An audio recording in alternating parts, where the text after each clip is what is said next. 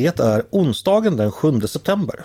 Jag heter Andreas Eriksson och du lyssnar på Ledarredaktionen, en podd från Svenska Dagbladet.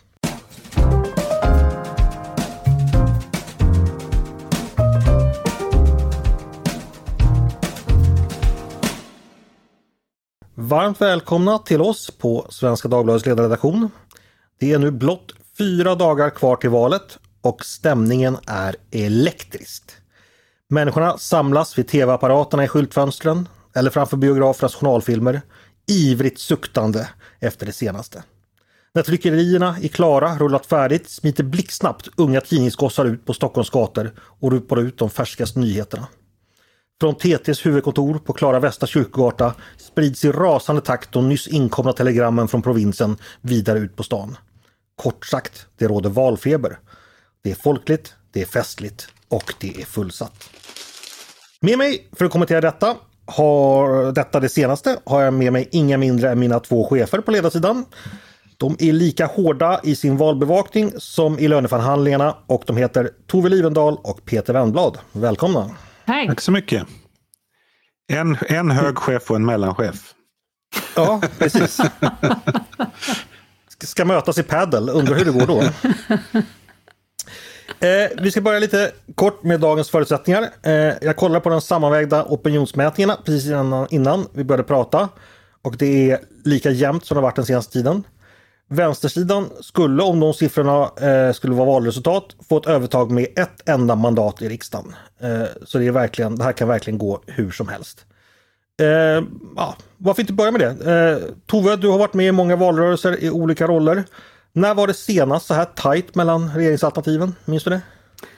Nej, det, jag är inte en sån person som följer eh, siffror utan försöker få reda på vilka liksom, politiska alternativ som det står emellan. Så det, du, du, du, har förmodligen svaret på det själv. Men däremot så att jag tittade på Dagens Industri som ju hade för några veckor sedan hade de gjort en sammanställning av hur olika partier har spurtat eh, under den sista tiden och då Eh, en sammanfattning av vad den graf, eller grafiken säger det är ju att allt fortfarande kan hända. Det, eh, vi har sett exempel på att partier har gjort ganska stora spurtförändringar både på plus och minussidan. Så det, det går ju, jag fick frågan tidigare idag i ett annat sammanhang hur det skulle gå. Det går ju faktiskt inte att säga.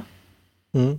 Men det här med att du inte bryr dig om siffror, inte ens liksom när du var ordförande i MUF 2002, satt du och tänkte på idéer då när Moderaterna ras, rasade framför era ögon? Då satt jag och tänkte så... på krishantering, Andreas. Jaha, okej, okay, det lät så väldigt oskyldigt där, att siffror, vad är det för någonting? Jag bryr mig om idéer. Jag sitter inne i Platons grotta och, tittar på... Om man på... säger så här, de sista dagarna innan valet när Uppdrag granskning hade avslöjat eh, förekomst av rasism i moderata, centerpartistiska och socialdemokratiska valstugor, men där det mediala fokuset kom att bli på Moderaterna. Då behövde man inte räkna så mycket för då hörde vi rasslet av väljare som sprang iväg från partiet. Och du, du fortsätter krishantera hör jag så här 20 år efteråt för att påminna att andra partier var inblandade. jag, jag, jag, jag har koll på siffrorna Andreas. Ja, jag tänkte det. Jag ska bara pressa Tove här lite först. Vi ska återkomma till eventuell eh, moderat rasism senare. Men, men Peter, vad minns du då? När, när var det så här tajt senast? Förra gången. Ja, det var ju eh, faktiskt det. Ja. Eh, fast även om regeringsalternativen var lite oklara. Alltså, men senaste gången med tydliga regeringsalternativ, det var ju faktiskt, det var ju väldigt jämnt 2006. Men, det var ju det. Eh, men då var det, det, det blev visserligen eftersom, åtta mandat till slut. Men, ja, men, men eftersom landskapet såg ut som det gjorde så var det ju den ena eller andra sidan som skulle få majoritet. Liksom. Mm. Och så är det eh, nu också. Eh, även fast många intressanta saker kan ske efter valet också. Eh, Peter, vad finns det kvar för partierna och politikerna att göra i det här läget? Eller vilar allt i väljarnas händer? Mobilisera kan man fortfarande göra. Eh, men och jag skulle vilja invända lite mot den här Eh, det Tove säger med att allt eh, kan hända. Ja, det finns exempel på där det har skett eh, liksom rätt stora rörelser på sluttampen. Men i regel så är det rörelser som utlöses av, av händelser utom partiernas kontroll. Och även om man pratar om att väljarkåren är väldigt rörlig och det är många som bestämmer sig sent. Men även de som bestämmer sig sent tenderar att fördela sig ungefär likadant som väljarkåren är stort. Så att det är rätt svårt att, att eh, åstadkomma eh, sådär värst mycket sista dagarna. Men med det sagt, i det här fallet är det ju så oerhört jämnt. Så därför kan ju de där, även de där små rörelserna vara det som avgör. Mm. Precis. Eh, just det här med att man säger att ja, väljarna bestämmer sig senare och senare och att en, mycket, mycket stor andel bestämmer sig på, på valdagen. Det är ju sant, men de är också ganska representativa för väljarkåren som helhet. Så att det är inte så att man kan räkna med några enorma mängder utöver de man normalt skulle få så att säga. Nej, precis. Det är ungefär som man pratar om att, att väljarna, att det är så många väljare som kan så lite och att det är så, de är så okunniga och att det är ett problem för demokratin. Men som tur är så så brukar okunskapen vara normalfördelad i befolkningen. Så att den, den finns i ungefär lika stora doser i varje, varje parti. Helt rätt, förutom i Folkpartiet. Ja. Hörni, eh, ikväll så är det ju då eh, statsministerkandidatsduell i SVT. Ulf Kristersson mot Magdalena Andersson i den här sista stora eh, fighten dem emellan. Eh, Tove, kommer du titta? Det kommer jag att göra. Vad har du för förväntningar? Ja, alltså jag tycker att det är spännande att se. Det är ju en slags eh, vad ska man säga, underhållningsvåld. Och eh, det är intressant att se hur de klarar en sån gren eh, i politisk kamp. Och det är ju just det här att se vilken typ av energi som finns omkring dem. Jag tror, det var ju du Peter som konstaterar eh, på Twitter att du är alltså, förbluffad över den här uthålligheten och formen som de måste vara i för att ta sig igenom det här ja, racet. Och det, det är ju så, de måste ju nästan ha någon fysik av elitidrottarkaraktär för att klara av allt det här. Mm. Vi får se eller, vem som... Eller, eller så är det som ser... Kennedy som fick injektioner för att stå på benen. Jaha, men det kanske man också märker i så fall.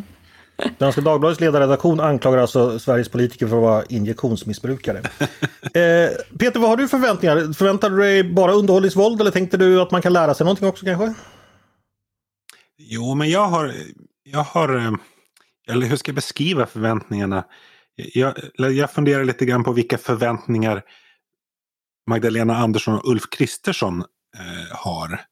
Eh, mm. jag, och där tror jag, där inbillar jag mig, men tycker jag på ganska goda grunder. Jag tror inte att Magdalena Andersson ser fram emot den här kvällen. Men det tror jag faktiskt att, eh, att Ulf Kristersson gör. Jag tycker att det har blivit rätt tydligt i de debatter och utfrågningar som har varit hittills att oppositionen är mer rutinerad och trivs bättre i de, där, i de situationerna.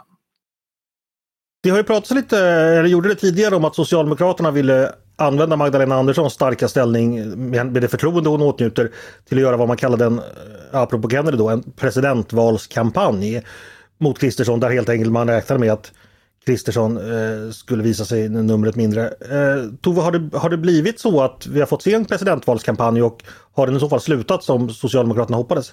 Eh, det vet vi inte än, men det är klart att det är ju ett starkt kort och de har ju använt henne på det, på det sätt de har kunnat. Alltså det, är, det är verkligen hon i fokus. Eh, och det tror jag är klokt, men det märks ju också, det, och det kan väl bli svårigheten i en sån här debatt, för att Socialdemokraterna har ägnat väldigt mycket av sin valkampanj åt att tala om motståndarna. Inte att berätta, vara stolta över det de har gjort och berättat om allt de ska göra, utan de har ju försökt styra bort ifrån en kampanj som handlar om sakpolitik. Och mm. där har ju, där ska ju i och för sig normalt sett oppositionsledaren ha trumf på hand. Man kan peka på, man har inte haft ansvar, man kan peka på vad som har gått dåligt och så kan man eh, sätta i utsikt en agenda som är mer lockande. Så där, där, borde man ju, normalt sett så borde det, vara, borde det vara så som Peter säger, att oppositionsledaren ser fram emot det mer och i det här fallet så har vi ju en exceptionellt soppig tid, tycker jag, eh, av regerande som... Så det, det, det, är egentligen en öppen dörr. Mm. Eh, Peter, vad tänker du om våra statsministerkandidaters eh, förmåga att eh, bara sänka respektive eh, vad heter det, flöten för, för, för sina partier och sina regeringsalternativ. Ja, men det är... siffrorna talar ju sitt språk. att Magdalena Andersson har ju ett, ett starkt förtroende. Eller att det finns ett stort förtroende för Magdalena Andersson, inte bara i, hennes eget parti eh, utan väljarkåren i stort. Medan Ulf Kristersson har ju lite större problem eh, på den punkten. Och det, det måste jag säga, det, är, det, det, det, kan jag även, det uppfattar jag även i min egen omgivning. Att, eh, att det finns väldigt eh, olika uppfattningar om eh, Ulf Kristersson, alltså om han är en vad, vad han gör för eh, Moderaterna. Och där jag tycker många liksom ser saker som jag själv inte riktigt eh, uppfattar.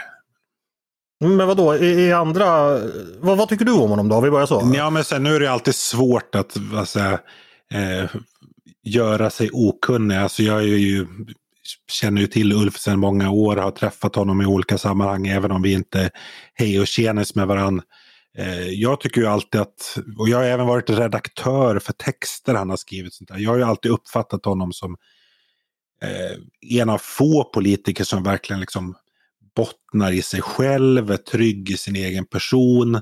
Och det har jag liksom uppfattat att det också att det syns i hans utstrålning. Men det har jag förstått att det är liksom många som tycker att han eh, utstrålar osäkerhet och brist på pondus.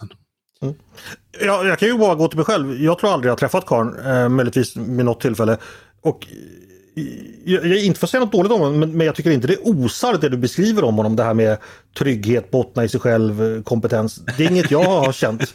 Nej, nej men nej. Jag, jag, är helt ärlig. Liksom, ja. Men det är bara min åsikt så att mm. säga. Liksom, som tv-tittare. Eh, tänkte angående Magdalena Andersson, är det inte lite så att eh, Socialdemokraterna uppfattar ju henne att hon fick en jätteboost först när hon tillträdde, blev den första kvinnliga statsministern. Sen hade vi pandemi och krig, vilket då skapade en automatisk uppslutning. Och sen är man lite rädd om henne nu, att man vet att hon har väldigt högt förtroende, men är rädd att hon är lite som ett ägg som man Slänger man ut henne i valrörelsen och det händer någonting, att hon visar en mindre god sida eller... Alltså man har bara att förlora på att exponera henne i riskfyllda situationer. Förstår ni vad jag menar, Tove? Ja, ja det förstår jag, men jag tror att det är... Jag, jag du förstår men håller inte med? Nej, för jag tror att det är hennes person är sån så att här finns det nog potential att hon skulle kunna bli folkkär. Att eh, man kommer att acceptera även mindre, en, liksom, mindre alltså sidor som är mindre likable. Så, så att det, det, det, tror jag. Sen är det klart att de, det, det, vi pratar om är ju bilder av personer och i stor grad de bilder som de själva vill ge. Men apropå den här skillnaden mellan Magdalena Andersson och Ulf Kristersson så tänker jag att Ulf Kristersson är en person som man gärna skulle ha som lärare till sina barn. Eh, men man kanske inte är en sån person som man går ut och tar en öl med. Där eh, kanske, jag vet inte om det är därför han har poserat med Johan Persson och ölsejdlar den senaste tiden. Eh, och för egen del så röstar jag ju hellre då på läraren än på krogkompisen. Men det handlar ju också om det här med identifikation. Om man känner att ja, men det här är en person som kan förstå mig, vi kan föra ett samtal på, på samma våglängd och sådär. Och där tror jag att eh, Ulf kanske kan ha en, en uppförsbacke. Mm. Rösta på din eh, lärare. Peter, eh, högste chefen höll inte med. Eh, mellanchefen, vad säger du? Ja, vad var nu frågan igen? Nej, men att, att sossarna varit lite försiktiga med Magdalena för att alltså hon har varit någonting, hon har liksom gått in i valrörelsen väldigt stark men att man har också vård, varit lite oroliga för att det finns en eventuell ballong som skulle kunna flyga ja, ut här. Liksom. Ja, utan att ha någon som helst belägg för det här så tror jag att eh, Socialdemokraterna ändå känner att den här vad säger, presidentvalsstrategin inte riktigt har flugit. Eh, att Magdalena Andersson lite grann har under, faktiskt underlevererat publikt. Eh, ja, men vi, hon, alltså det hon utstrålar som finansminister, liksom, rutin, pondus, eh, självförtroende. Alltså hon kunde ju tryck, vara lite Göran Perssonsk och trycka till sin motståndare. Det har hon ju inte alls som statsminister. Man märker ju så fort det, hon ger sig in i liksom politikområden där eh, som hon inte som är nya för henne eller som hon inte haft ansvar för tidigare så, så är det ju något som slocknar. Liksom. Det blir något lite robotaktigt i, i hennes framträdande. Och det, det märks ju också i, i Socialdemokraternas kommunikation. Alltså man har ju den här presidentvalet har fått lite mer undanskymd roll och nu, nu är det bara eh, liksom, social, Sverigedemokraterna som är i, i, fokus. Delvis därför att jag är övertygad om att eh, Socialdemokraternas egna mätningar eh, visar att det inte Förlorar Socialdemokraterna valet så är det inte för att Socialdemokraterna har blivit moderater utan att de har blivit Sverigedemokrater. Mm. Eh, så ser det förstås ut och, det ger oss en anledning att flytta till nästa ämne. Eh, jag eh, tänkte just prata Sverigedemokraternas roll i den här valrörelsen. Som förstås är en huvudroll precis som det var 2018 och 2014. Eh, det finns en anledning till det. Eh, Socialdemokraternas strategi är ju att eh, de inte är Sverige, eller de har inte Sverigedemokraterna på sitt lag och därför ska man rösta på dem. Eh, Tove, hur... Eh, att vi har ett sånt val där ett, ett enda parti spelar en sån enorm roll Eh, och då är det liksom negativ bemärkelse som, som, som avskräckande exempel. Det, ja, hur känns det? Ja, det är bara att gratulera Sverigedemokraterna därför att det kommer att fortsätta hjälpa dem att göra ett bra val. Eh, och, och, det är ju det är en slags medberoendesjuka kring de andra partierna. Nu har ju Moderaterna, eh, Liberalerna, delar av dem och Kristdemokraterna börjat frigöra sig från det och säga att ja, men det kan inte vara så att det ska definiera allt vi står och gör i politiken, men det är ju starka krafter som håller däremot. Jag tänkte på det, Magdalena Andersson sa vid något tillfälle när hon fick frågan om de skulle kunna tänka sig att samarbeta med Sverigedemokraterna, då sa hon att det, nej, och det var en existentiell fråga för dem. Och jag tror att hon menade det Ja, den kan man ju tolka som det här som att jo, men det är fascismen och nazismen och allt det där som står på spel. Men jag tror att hon, hon talade mer utifrån ett alltså partitaktiskt perspektiv också. För där är det sant att om, om Socialdemokraterna hade gjort det som Moderaterna gör nu, då tror jag att de hade blött ännu mer väljare. Eh, man kan se det inom LO-kollektivet där de är jämnstora. Eh, så att skulle Socialdemokraterna säga att vi kan tänka oss att samarbeta med Sverigedemokraterna, då är det nog, de hade nog tappat väldigt mycket mer. För så där behövs så att säga den här stigmatiseringen för att ändå hålla, hålla koll på, på väljarflykten. Så att ja. Mm. Eh, jag har egentligen samma fråga till dig Peter. Eh, att vi har en... Eh, ja, Socialdemokraterna vill att det här ska bli en folkomröstning om Sverigedemokraterna. Väldigt många andra inom offentligheten verkar också vilja det. Eh, så det har väl slagit igenom ganska brett skulle jag säga. Hur, vad tänker du om det? Hur påverkar det allt annat kring valet? Ja, det blir lite måndag hela veckan. Man, man mm. har sett det förut och det har inte och varje gång slutar med socialdemokratisk statsminister, så man förstår ju att det, de använder det. Ja, precis. Det är det där murveldjuret som aldrig försvinner. Ja. Men måste vi göra som Bill Murray, helt enkelt bli, bli bättre människor genom att liksom, ja ni vet ju han går igenom och utvecklas och lär sig tänka på andra och sådär. Och slutligen när han liksom har förändrats, då kommer klockan slå en ny dag. Ja, så är det. Ja, okej. Okay. Och hur länge dröjer det? Ja, det, jag vet faktiskt inte. Jag tänkte på det efter förra valet så gjorde jag ju flera intervjuer med en del socialdemokrater, eh, Stig Ljunggren, Ann-Marie Lindgren eh, och andra som eh, sa att den här, den här liksom beröringsskräcken till Sverigedemokraterna, den kan inte hålla särskilt länge. Men, men den har varit uthålligare än vad de flesta bedömare har trott. Och det är väl just därför att det har fungerat tidigare, så det kanske fungerar den här gången också. Mm. Peter, skulle du säga någonting mer eh, om måndag hela veckan förresten? Jag Nej, jag var klar. Babbla på. Ja, du var klar. Eh, så här är det ju. För högersidan är ju det här förstås en balansgång. Eh, man ska dels hålla ihop sitt regeringsalternativ. För den normala läxan är ju att bara en enad borgerlighet kan slå Socialdemokraterna. Dels har man då marginalväljare flyttbara i mitten som är, känner stort obehag inför Sverigedemokraterna. Eh, än så länge verkar M-ledningen fokusera på att ja, hålla ihop sitt regeringsalternativ. Igår gick Staffantorps moderata kommunalråd ut i en gemensam debattartikel med sin eh, SD-kollega från Sölvesborg. Eh, moderaten heter Christian Sonesson och Sverigedemokraten heter Louise Eriksson. Eh, de skrev en gemensam debattartikel och krävde med vad jag tyckte var ganska tveksamma argument en större återvandring. Vad tror du eh, partiledningen i Moderaterna tänkte när de läste det här, Peter? Ja, jag tror att de skrek kudden. Ja, men just i kudden också. Ja, alltså det, det här är en typ av... Eh, ja, det var väl du som skrev det på, eh, på Twitter. Det, är en, det, är en, här är en typ av liksom, självskadebeteende som normalt mest syns i Liberalerna. Liksom, fem dagar före ett val ge sig ut i en fråga, liksom, vad säger, väcka en fråga och göra det tillsammans. Alltså det är liksom fel, det gagnar inte eh, Moderaterna på något sätt. Tove, gör du samma bedömning? Eh, ja visst, det är, det är ju liksom den... Alltså det är så här, ja, den första reaktionen är ju att det här att springa ut med debattartiklar som är dåligt underbyggda, det är ju liksom bara någon form av hundvissling åt vilket håll man nu vill och eh, det, det är ju en slags, eh, jag vet inte, eh, effektsökeri som jag tycker är, ja, jag vet inte. Jag har, jag har, jag har fula ord för det.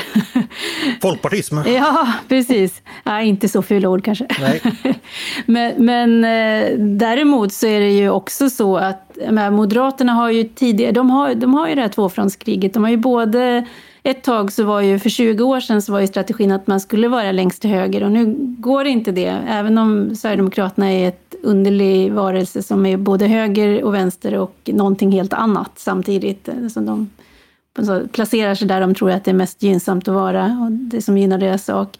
Så har de ju ändå kommit att uppfattas eh, vara till höger i vissa frågor då än Moderaterna.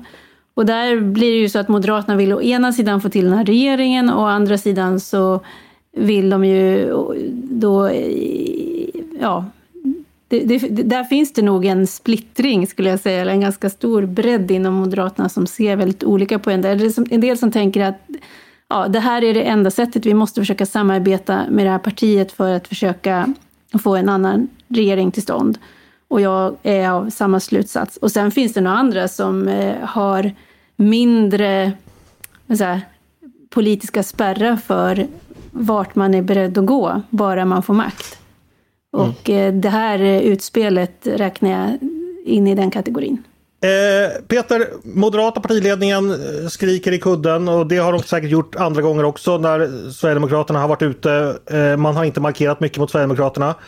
Är det den klokaste strategin tror du? Ja, jag tycker Moderaternas misstag har liksom inte varit att man inte eh, har varit dålig på att markera mot Sverigedemokraterna. Så ska man hålla på och liksom ta ansvar för andra partiers politik då har man snart inget annat att göra. Eh, sen kan jag väl ha synpunkter på det motsatta, det vill säga att Moderaterna av lite oklara skäl och på ganska god, dåliga grunder har liksom eh, gett beröm åt Sverigedemokraterna och Sverigedemokraternas eh, historia. Eh, men, men, men, men i, i, stort så tycker jag det här med att liksom inte ge sig in i det här med att recensera eh, andra partiers havanden och göranden är det, är det, det går inte att göra annat.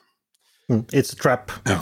Ja, Tove, vad skulle du säga? Ja, så rent så här, rent generellt, ja nej, ska man hålla på hela tiden och vara recensent andra, då kommer man aldrig liksom ha tid att lägga fram egen formulerad politik. Men det finns ju, eh, säger jag då, som ändå tänker rösta på att försöka få en ny regering för Sverige, så finns det absolut stora frågetecken i, i hur, hur det ska kunna gå och, och, och, vad det ens eh, blir möjligt för, med för typ av samarbete. Och då tänker jag att det är viktigt att Moderaterna inte heller blir den här tysta försvarsadvokaten åt ett parti som absolut inte är, är någonting som Moderaterna vill bli, utan jag tycker att det är på samma sätt som man, man eh, argumenterar eh, med eh, de som man verkligen inte kommer att bilda regering med, så måste det ju finnas en tydlig, vad är särarten i de här olika alternativen? Annars kan man ju mm. lika merga partierna. Mm. Ja, nej, och det, det, där håller jag helt med om. Alltså det är klart att man måste opponera sig rent sakpolitiskt när Sverigedemokraterna eh, gör något. Men i de flesta fall under den här varelsen så har det ju handlat om att Moderaterna ska ut och markera mot Svenne Banan i Järfälla som har skickat något idiotiskt sms. Eller, alltså det har ju varit den, framförallt den typen av... Så är det Ja, för det finns förstås en annan sida på det här och det är ju att Moderaterna och vi ska sägas vill ju ha en annan regering och det är ju bara möjligt som det ser ut nu med Sverigedemokraterna. Vilket för mig över på nästa punkt. Det är att vi på sidan har publicerat icke mindre än 99 skäl till varför det är viktigt att byta regering. Peter, var det svårt att skrämma upp så många eller hade vi många, många fler i bakfickan? Det var faktiskt inte jättesvårt, det kan jag inte påstå. Nej, det, det var inte det. Tove, efter sån här mandatperiod, det finns ju en del att anmärka på kan man ju lugnt säga. Ja, eh, verkligen. Nej, vi skrapade lite på ytan. Ja. Vi skulle kunna ha kört det här som en, en veckoserie tror jag. Precis. Eh, nej, eh, jag tänkte bara, eh, de flesta skälen är ju, ja, de, de är väldigt bra skäl. Jag skulle säga att det räcker med att få ihop fem, sex stycken så har man en, en, ett kort argument där. Men när ni tittar på alla här, eh, då vi då försökt då sprida ut dem. Är det något område eller någon sakfråga eller eh, något problemkomplex som ni tycker liksom väger över mer där regeringen har varit ovanligt misslyckad? Vad säger du Tove? Nej, men jag tycker att det är eh, en eh, illustration till det som är eh, högeroppositionens starka kritik, att det som man kallade för kärnstaten, att det inte fungerar. Men sen är det ju så tydligt att det här, liksom, politiken idag saknar riktning. Det finns ingen idé om vart Sverige ska ta vägen. Det är lite grann, jag tänker på det här när man står på Gröna Lund och slår ner grodor som mm. dyker mm. upp. Det är liksom vad politiken har varit, men vi, vi konstaterar inte, vi har liksom inte tid att titta upp och se att den här berg och dalbanan längst upp har rostat sönder och skulle behöva bytas ut, utan vi kör på liksom där med, med nästa groda som dyker upp. Och det är det som är, är, är, är vad som verkligen inte behövs i, i fyra år till. Mm. Eh, Peter, samma fråga till dig. Tycker du att det dyker upp några speciellt svaga sidor hos regeringen när man lista som vi gör, delar upp det och gör en lista av det? Ja, nu, det beror på lite grann vad man menar med eh, regeringen och det var väl kanske lite så här utmaningen att göra den här listan. Alltså ska vi lista 99 skäl att avsätta den nuvarande regeringen eller, vad, den, eller kan man på något sätt säga att det är typ samma regering som har suttit hela mandatperioden? Eh, mycket, alltså jag vill säga mycket var Miljöpartiets fel. Ja, det var det jag försökte säga. Men alltså det, det fanns ju en, en låsning under större delen av eh, den här mandatperioden i en rad olika frågor som gjorde att eh, det inte hände någon, någonting. En del av dem har ju Socialdemokraterna tack och lov lyckats beta av då sen i november, men det där eländet är ju snart tillbaka. Mm. Vi har förstås el och energikrisen, vi har brottsligheten, vi har eh, ja, problem med kompetens i kärnuppdraget helt enkelt på, på alla sätt. Eh, vi har en välfärd som behöver bemannas, vi har en försvarsmakt som behöver rustas upp och vi har en begynnande eh, lågkonjunktur och en ekonomi som inte känns helt laddad eller ja, förberedd för det. Är väl ungefär, eller Tove, vill du tillföra någonting på, på den listan? Jag tycker att det lät som en, en god sammanfattning, men just det här att att, och det är väl så här, där kan man säga att oppositionen är lite medansvariga. Det är nu de har börjat komma loss och prata om vad de vill att Sverige ska bli. Men jag vet, Moderaterna hade ju ett tag den här sloganen Sverige ska fungera. Och mm. det är på något slags, då är vi på hygiennivå. Och nu är, jag förstår varför man, man säger så, eller varför man sa så, därför att det är på något sätt bottenplattan. Men det är, inget, det är ingenting som känner, får en att känna att ja, nu, nu går jag verkligen och röstar för förändring här, utan det, det är på något sätt... Det, det, det borde vara så självklart. Sen är, ju mm. den, sen är det klart att man, man kan då mot det genmäla att eftersom Sverige inte fungerar så behöver vi reda ut det först. Mm. Vi röstar inte om mattor och tapeter utan om själva stommen ska stå upp i nästa storm kan man väl kanske uttrycka det som.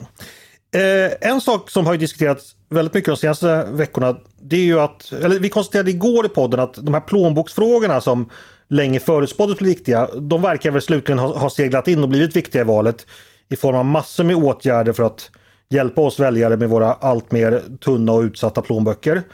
Eh, amorteringskravet har ju nämnts av alla, elräkningskompensationen känner alla till. Eh, det talas också om skatter som ska förändras. CSN-lån som ska bromsas alltså och olika ersättningar. Eh, Peter, eh, det var förstås väntat att det skulle gå så här men är det, är det någonting du har reagerat på den här eh, förslagsfloran som du tycker att det där är självklart, det kommer alla gå med eller det där går nog inte bra eller hur, hur tänker du kring, kring allt detta? Eh, nej, inte direkt. Alltså, eh, och sen är det ju inte bara så att, att de, vad säger jag? Att de ekonomiska frågorna, plånboksfrågorna har blivit så stora nu eh, har ju egentligen inte att göra med valet utan de hade blivit precis lika stora om det hade varit i mars 2024 under eh, mellanvalsperioden. eftersom läget är så pass eh, dramatiskt. Men sen blir det ju vikt, naturligtvis viktigare för partierna att vara, vara på tårna och vad säga, inte eh, lämna initiativet till andra partier i, i de här liksom givna frågorna. För det här, det här, oavsett vad man har för ideologisk utgångspunkt så är ju läget sånt att man liksom inte kan sitta still och bara hoppas att det löser sig. Nej, jag vill minnas någon podd vi hade, eh, om det var faktiskt före semestrarna då Liberalerna hade lagt det första serieförslaget och talade om att man skulle ta bort eller ändra elskatten för att kompensera. Och redan då sa du Peter att ja, här måste ju någonting göras och det kommer att göras och fler ja. kommer haka på. Och, och så har det ju verkligen blivit. Vad man kan tänka sig om det, det är ju att det naturligtvis kommer bli väldigt dyrt för staten för det är, det är väldigt mycket pengar som ska ut och, och kompenseras. Men Å andra sidan, man la ju mycket miljarder i, i stödpaket också under, under pandemin. Ja, och sam, eh. samtidigt inte alltså, så som um, det verkar som att flera av de här olika stöden ska utformas som handlar om energipriserna så är det egentligen bara en, en, en alltså motsvarigheten till en skatteåterbäring. Det vill säga att eh, pengar som, som elkonsumenterna betalar in eh, och som skulle ha gått till sådana här så kallade flaskhalsintäkter bara återförs. Så att det är ju inte, man gräver ju inte i statsbudgeten eh, Nej, ännu så länge, ska sägas. Du talade om det här som Svensk kraftnät har som faktiskt är en skuld till oss elkonsumenter, som att vi har innestående där. Så att säga. Ja. Eh, Tove, vad tänker du om, om eh, ekonomin och de olika partiernas vilja att blidka och hjälpa oss där. Eh, vi på högersidan gillar, brukar ju inte jättegärna gilla att se staten som alla goda gåvors givare men ibland är det kanske nödvändigt, eller vad tänker du? Ja, ibland är det nödvändigt men folk är ju inte dumma och politiken försöker ibland behandla dem som om de vore det. Och det är ju ofta med de här eh, förslagen så är det ju en förhoppning att om man, om man ställer fram en fin present så glömmer folk att fundera på hur det kom sig att de behövde det från första början.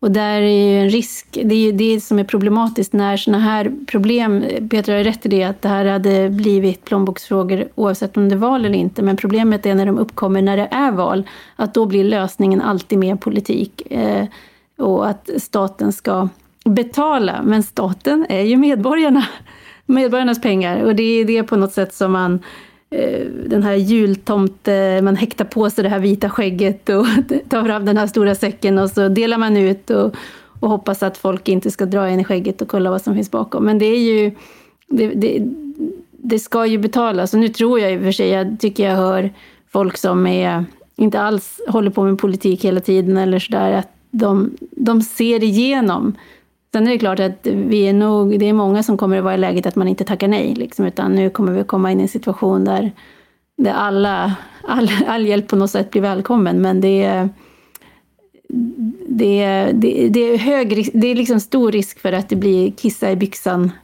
mm. bud nu. Ja men tacka nej kommer väl ingen göra. Alltså jag kan ju inte tänka mig den mest doktrinära nyliberal som säger nej jag ska minsann inte ha någon ersättning. Ni försöker... You're trying to get me! Men, jag flyttar till Klippigabergen och startar mitt eget samhälle. Eh, kommer inte ske kanske. Eh, hörni, eh, vi ska gå vidare och eh, vi har fått en lyssnarfråga faktiskt. Eh, är ni sugen på att besvara en sådan? Absolut. Yes.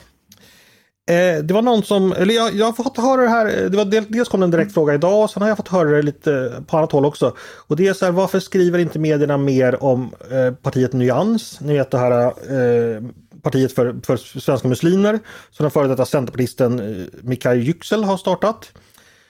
Eh, och det har ju skrivits lite om dem men eh, ja, vi kan börja med dig Tove. På ledarsidan har vi inte skrivit någonting. Varför har vi inte det? Nej, men det, det, jag får, då och då så får jag mejl från alla möjliga som startar partier och tycker att det finns en Eh, det är orättvist att man inte rapporterar på samma sätt. Och det, ja, jag kan förstå den synpunkten att man tycker att, att det är ju på ett sätt så är ju systemet, om man då också räknar medieuppmärksamheten, så gynnar det ju de som redan är inne. Mm. Eh, och det krävs ganska mycket för att man ska kunna ta sig in. Eh, men det är också en bedömning från oss varje dag. Vad är mest relevant och vad kan ha störst betydelse och, och sådär. Och där har vi liksom inte varit i den det har inte varit det läget att det har känts eh, motiverat. Kommer Nyans ha någon chans i valet, Tove? Eh, jag tror att det är möjligt efter vad jag då har hört, för det har ju rapporterats en del om dem, att i lokalval så kan det absolut vara så att man kanske lyckas ta sig in med... Så det är inte omöjligt. Peter, vad tror du om Nyans chanser att komma in och göra avtryck? Nej, jag gör nog samma bedömning som, som Tove, att det är i så fall på kommunal nivå. Alltså vi ser ju inte några, de gör ju inte några, något avtryck i, i den nationella opinionen. De, de syns ju inte i opinionsmätningarna och så, så att eh, det, det, blir väl, det blir väl i så fall liksom någon slags motsvarighet till de här lokala andra lokala partier som det finns väldigt gott om och som ju vi inte heller skriver om. Mm. Det finns lite andra småpartier. Eh, Medborgerlig Samling nämns ibland. Eh, Sverigedemokraterna har ju en utlöpare i något som heter Alternativ för Sverige.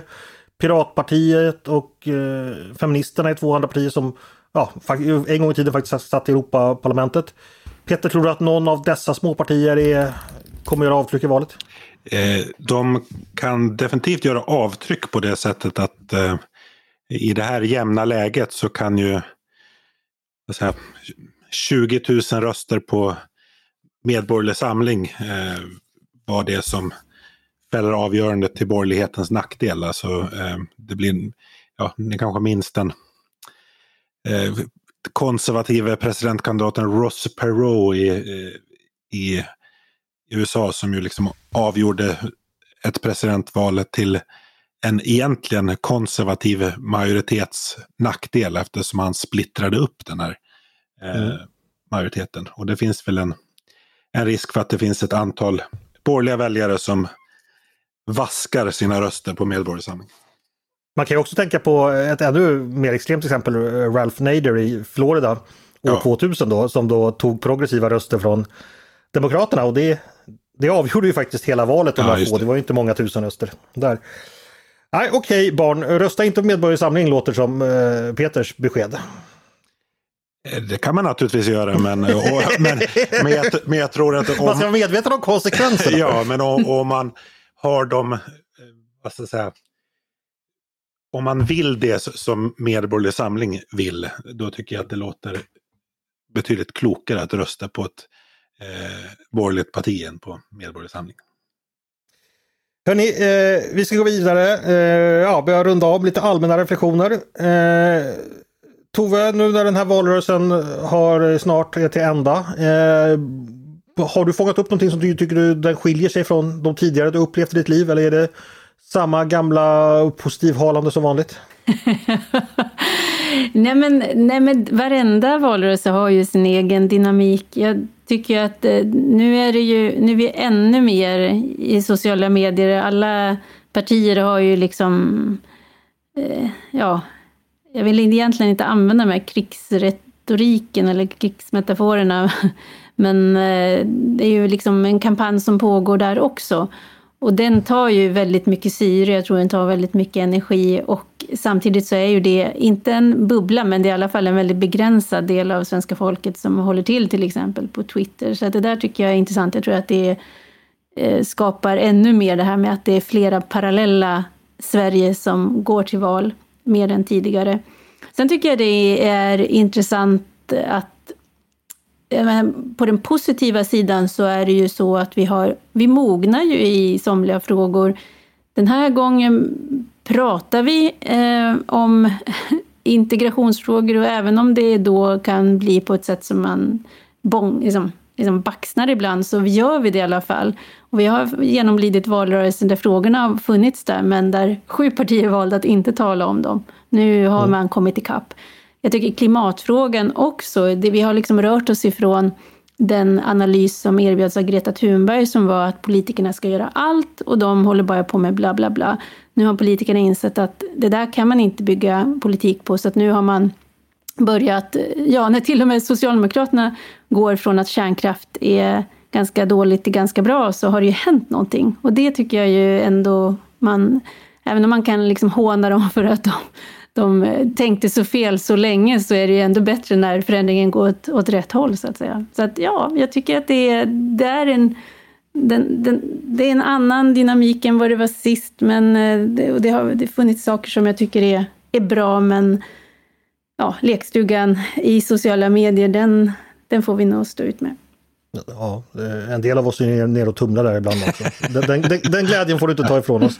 Nej men okej, det, det lät väl ändå... Ja men jag tar med mig det här med att trots allt har vi ju fått två stora skiften i svensk politik i år. NATO mm. och även kärnkraften. Och det är ju någonting som faktiskt vi ska värdera väldigt högt, tycker jag. Verkligen. Eh, Peter, vad, vad känner du? Du gör ju din första valrörelse på ett tag. Du har ju mm. varit eh, civilist tidigare. är det någonting du har reagerat på? Eh, ja, jag har, jag, jo, jag har reagerat på ganska mycket. Eh, och eh, det är ju fram, alltså, jag känner ju det väldigt tydligt att liksom, under de här åren jag har varit lite vid sidlinjen att det är liksom ganska många politiska tabun som har brutits.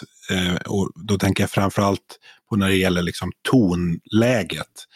Alltså, mm. jag tror för 20 år sedan så det var, politiker drog sig i det yttersta att kalla en meningsmotståndare för lögnare eller slunga ut en anklagelse om att, att någon hade ljugit. Utan man, eh, man, man, man hade ändå i grunden en uppfattning om att så här, även mina meningsmotståndare har eh, vad här, goda avsikter men mm.